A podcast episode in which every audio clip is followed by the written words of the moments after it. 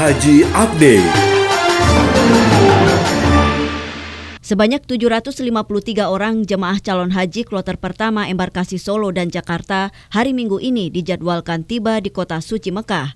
Kedatangan jemaah calon haji tersebut merupakan kedatangan yang kesekian kalinya setelah jemaah sebelumnya tiba di tanah suci Mekah. Menurut Kadakar Makkah Muhammad Hanif, jemaah haji tersebut berangkat dari Madinah dan akan tiba di kota Mekah dan pihaknya telah berkoordinasi dengan daerah kerja Madinah untuk menyambut kedatangan jemaah tersebut diperkirakan tiba di Mekah ini ada dua kloter SOC 1 dan JKG 1 itu pada tanggal 12 diperkirakan sekitar pukul 20 sampai 20 22 22 jadi dari sana diberangkatkan pukul 16 kemudian perjalanan diperkirakan 6 sampai 7 jam.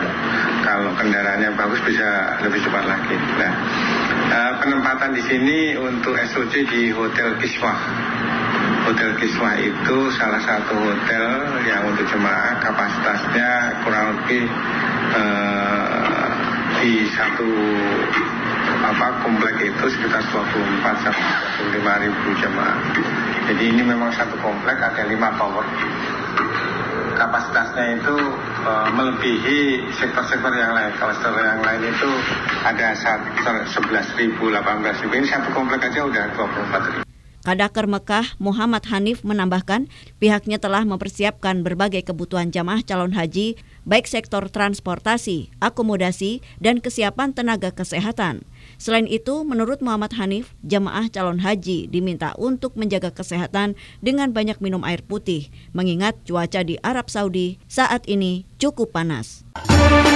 Haji Update